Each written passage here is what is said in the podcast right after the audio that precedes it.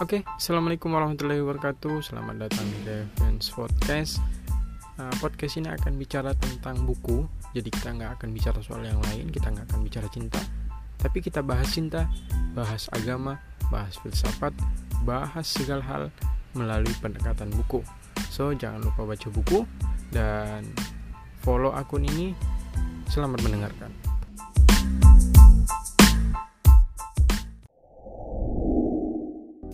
Oke, okay, Bismillahirrahmanirrahim. Assalamualaikum warahmatullahi wabarakatuh. Allahumma shalli ala Muhammad Muhammad. Bismillahirrahmanirrahim. Nah, uh, karena sudah seminggu ini teman-teman di resensi sudah berkabung, berkabung karena kita tidak ada juga, jadi uh, kita turun lagi. Kita berdua turun lagi terbiasa seperti biasa memulai supaya untuk teman-teman lebih terpacu lagi, apalagi tidur lagi, supaya ya. apalagi Hendra sudah ada peningkatan, sudah membaca, dia pakar ya pakar membaca pikiran orang lain. Nah, dulu Anca itu pas ma masih kuliah-kuliah dia suka baca itu juga. Berarti ada membaca pikiran orang lain. Ada generasinya. Kayaknya titisan Anca dia. Iya. Oh, sangat-sangat mantap sekali ya. Pikirnya belum masuk. Never mind. Bapak. Never mind. Belum ketara tapi. Yang penting setelah dicolok itu kedengaran juga. Ya, kalau Mungkin kedengaran, Bung Anca bisa mendengar apakah kedengaran di situ setelah dicolok? Untung saya belum mulai. Tapi saya sudah pote-pote. Mas, mas, mas. ya, mas. mas. Ini Oke, silakan, Albar. Nah, uh, di buku Rotolo ini sekedar sharing untuk teman-teman kalau misalnya teman-teman mau baca mulai merasa bahwa dirinya ini hilang arah uh, spiritualnya putus harapan dan lain semacam dan lain segala macam saya sarankan teman-teman untuk baca ini. Uh, satu buku ini juga bisa menitikan air mata. Gitu ya? Iya. Dan Anda menitikan air mata nih pas saya saya merasa kasihan terhadap diri saya sendiri. Oh gitu ya? Iya. akhirnya anda jatuh cinta pada diri sendiri. Iya. Makanya itu saya tidak percaya siapa-siapa selain diri saya sendiri. Oke, okay, di buku Rotolo ini penulisnya adalah Kang Jalan. Uh, dan kemudian di buku ini uh, ada beberapa buku Kang Jalan saya habiskan. Nah, ini juga tips untuk teman-teman supaya teman-teman tidak bosan dalam membaca. Kalau bisa, satu penulis itu dihabisi dulu. Misalnya kalau dilihat dulu bagaimana sih uh, minimal lima, bagaimana sih per, uh, karakteristik dari si penulis ini. Kang Jalal ini memang dia itu kalau bisa dibilang banyak cerita tapi ceritanya itu menyentuh. Storytelling. Storytellingnya nah, saya belajar di situ juga dia caranya men storytelling kan eh kalau ada storytelling kok gue ngantuk sih. Ngantuk. Tapi nggak apa-apa dicoba terus.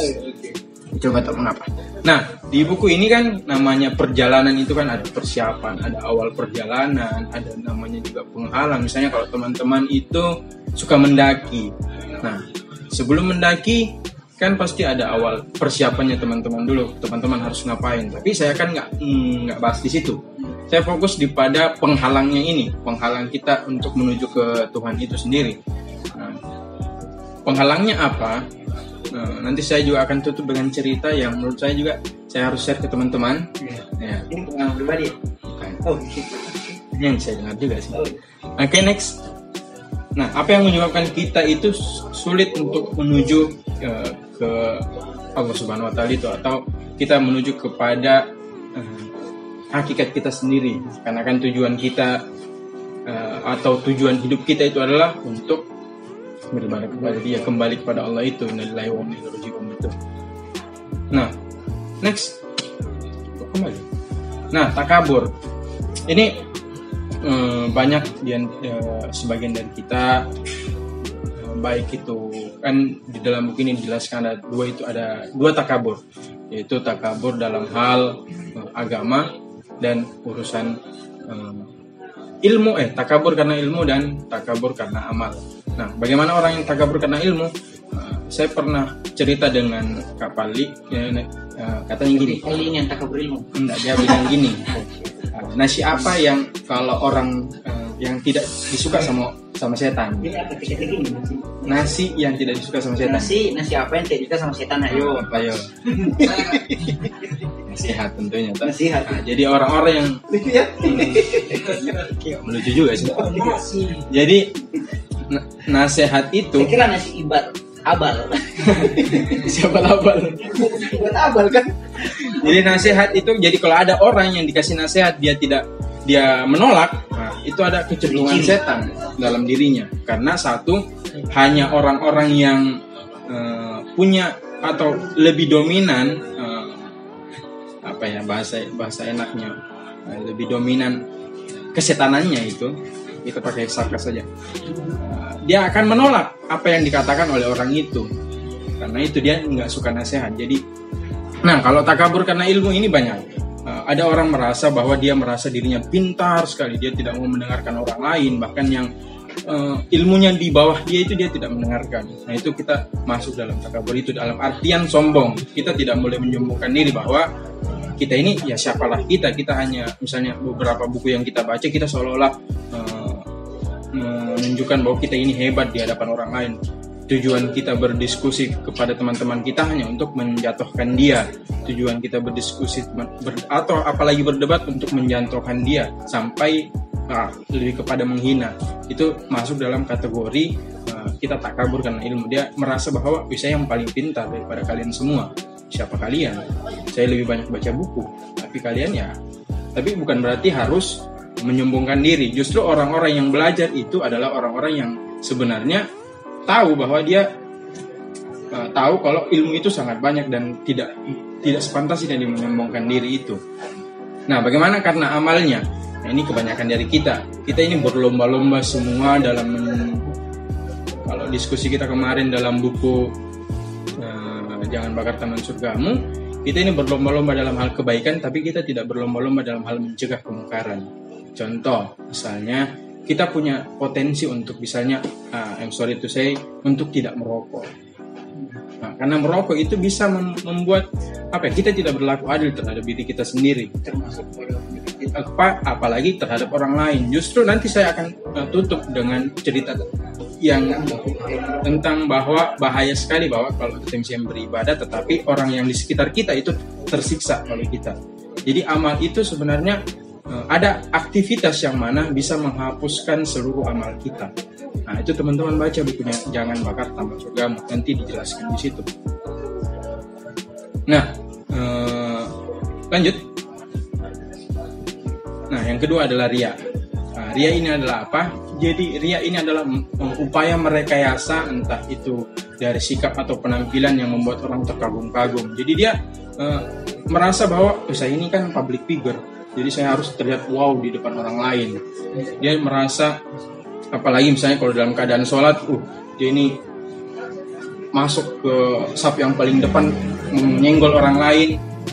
Dia ingin memperlihatkan bahwa saya ini orang yang saleh jadi ria itu juga salah satu yang penyebab kita terhalang uh, dari karunia Allah itu sendiri. Nah, lanjut. Ujub. Nah, ada tiga hal yang mencelakakan manusia. Yang pertama adalah kebakilan yang diperturutkan hawa nafsu yang diikuti dan merasa kagum dengan uh, kebenar, kehebatan dirinya itu. Ini masuk juga tadi dalam ria dan segala macam itu. Bahwa Nah, ujub itu dalam bahasa Indonesia adalah takjub, dia takjub akan dirinya sendiri. Uh, dia menganggap bahwa dirinya itu telah melakukan kebaikan, padahal tidak. Dia merasa, misalnya sudah melakukan kebaikan, padahal ya, hanya dia yang menganggap bahwa dirinya baik. Orang lain justru menilai hal beda. Nah, tingkatan yang kedua adalah ketika seorang hamba itu beriman kepada Tuhannya lalu dia mengira dengan imannya itu sudah bisa menyelamatkan dia. Padahal uh, apa salah satu aspek uh, iman amal kita diterima itu adalah berlaku baik terhadap orang lain. Nah, lanjut. Gibah. Nah, ini gibah ini bukan hanya di perempuan sih, di laki-laki juga kadang begitu. Apalagi kan itu kan kumpulan itu. Anda pernah merasakannya? Enggak. Apalagi sudah potong rambut tiba. Nah, di gibah ini alasan mengapa dia misalnya menceritakan orang bisa jadi karena dia emosi atau dia marah terhadap orang itu. Jadi dia mencoba untuk mencari atau mencari ya mencari kesalahan-kesalahan orang itu di orang lain. Wih, saya mau tahu itu itu ah, itu itu itu itu. itu. Sampai saya tadi malam di prank juga. Perjalanan. Tapi tidak usah disebutkan orangnya siapa. Ya, tapi itu tidak termasuk gibah, itu hanya bercanda aja. Selamat. Selamat. Oke, nah itu tadi adalah penghalang-penghalang kita dalam menuju ter- kepada Allah itu sendiri. Nah, adapun penopangnya seperti ini saya kita mendaki, kita butuh bekal, kita butuh minuman dan segala macam untuk bisa sampai ke tujuan kita. Nah, apa itu? Ada tiga. Jadi kendali nafsu. Ini kalau bisa kita simpulkan adalah wara. Bagaimana kita mencegah. Anggaplah kan takwa itu ada dua, yaitu eh, mencegah eh, berbuat baik dan mencegah eh, dari kemungkaran itu. Nah, tapi kita lebih dominan berbuat baik daripada mencegah. Misalnya tadi kita lebih lebih memilih untuk tidur tiduran padahal kita punya kita tidak berlaku adil terhadap raga kita. Misalnya kita harus eh, bangun pagi, misalnya kita harus sholat, misalnya kita harus membaca, kita berlaku adil kepada otak, kita berlaku adil kepada raga kita, kita harus olahraga.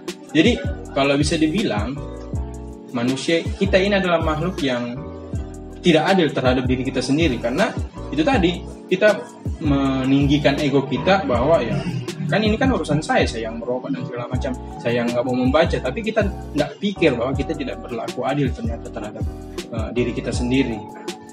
Justru uh, buku yang baru-baru saya baca jangan sia-siakan sholatmu di situ di, dijelaskan dalam sholat itu ketika misalnya dalam keadaan sujud yang di mana sujud itu adalah titik terendah manusia merendahkan dirinya terhadap Tuhan dan dia masih mengingat orang lain di dalam buku itu dikatakan bahwa sholat kita adalah sholat orang-orang yang lalai itu itu saya juga terpukul di situ bahwa uh, dia bilang kalau sampai pada saat sujud kita masih mengingat orang lain bukan mengingat kepada Allah itu sendiri atau kita sadar bahwa kita ini bukan siapa-siapa, sholat itu lalai.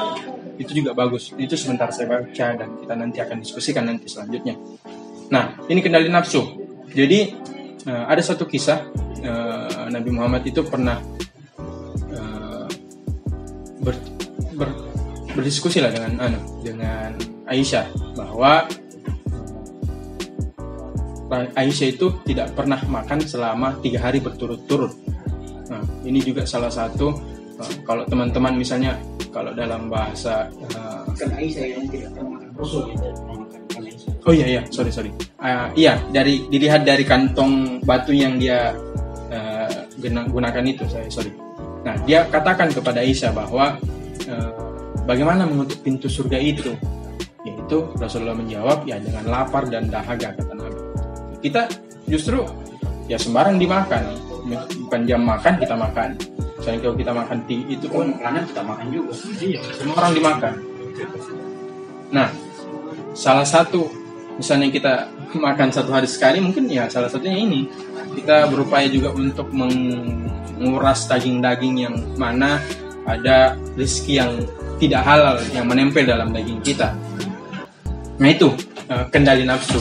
Yang kedua adalah berzikir. Nah, berzikir ini jangan teman-teman artikan hanya sekedar uh, kalimat saja, tetapi kita sadar bahwa setiap harinya kita ini kita uh, dipantau bahwa kita ini dipantau oleh ada yang memantau kita dan kita harus hmm, sadar bahwa kita hanya manusia yang mencoba untuk mencari ridhonya Allah. Jadi setiap uh, aktivitas kita kita tunjukkan bahwa tujuan kita ini adalah lillahi taala. Itu uh, yang saya maksud dalam hal berzikir ini. Bahkan uh, salah satu dalam Al-Qur'an juga disebutkan itu dalam surat An-Nisa orang-orang yang tidak berzikir itu adalah salah satu orang-orang yang munafik. Nah, ini yang terakhir. Hikmat. Kita jarang menemukan orang-orang yang misalnya mau belajar tuh, misalnya ada yang datang entahlah entah di resensi atau di mana pun dia belajar dia hanya ya sekedar mengambil ilmunya saja tidak ada penghormatan tidak ada hikmat tidak, tidak ada pemberian atau mencoba untuk melayani yang dia yang uh, melayani orang yang coba dia uh, ambil ilmunya. Kita nggak nggak pikir di situ. Kita hanya mencomot saja kita hanya mendengarkan. Tapi ketika misalnya uh, ada ada sesuatu misalnya uh, yang guru kita misalnya yang butuh bantuan ya kita biasa aja. Kita hanya butuh ilmunya segala macam. Nah hikmat ini bahkan uh, ulama pendirinya NU itu juga ceritanya begitu. Dia bisa jadi ulama pendiri NU hanya karena eh, dia berhikmat kepada gurunya. Jadi ilmu itu tidak akan sampai kepada teman-teman yang mau belajar kalau teman-teman tidak berhikmat kepada orang yang teman-teman pelajari. Misalnya juga berhikmat kepada buku. Contoh etika dalam membaca buku ini juga saya dapatkan dari Tonton. Teman-teman tidak pernah pernah tidak misalnya membaca buku membacakan Al-Fatihah terhadap uh, orang-orang yang menulis dalam buku itu bahkan lebih ekstrimnya lagi buku-buku barat pernah tidak teman-teman bacakan Al-Fatihah? Yang mana teman-teman pakai itu ilmunya? Tidak pernah. Nah, itu salah satu etika juga salah satu hikmat uh, berterima kasihnya kita atas ilmu yang dia berikan kepada kita. Jadi di ketiga ini uh, saya rasa bisa menjadi penopang perjalanannya kita kepada Allah Subhanahu wa taala.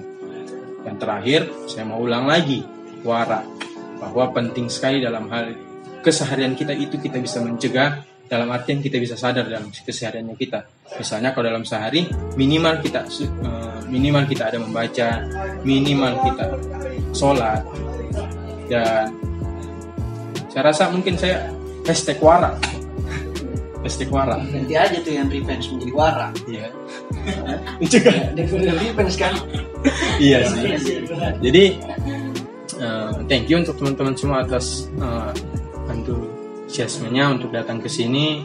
Eh, saya rasa nanti kita bisa kembangkan di diskusi selanjutnya atau misalnya ada tambahan Eh, saya kira terima kasih. Assalamualaikum warahmatullahi wabarakatuh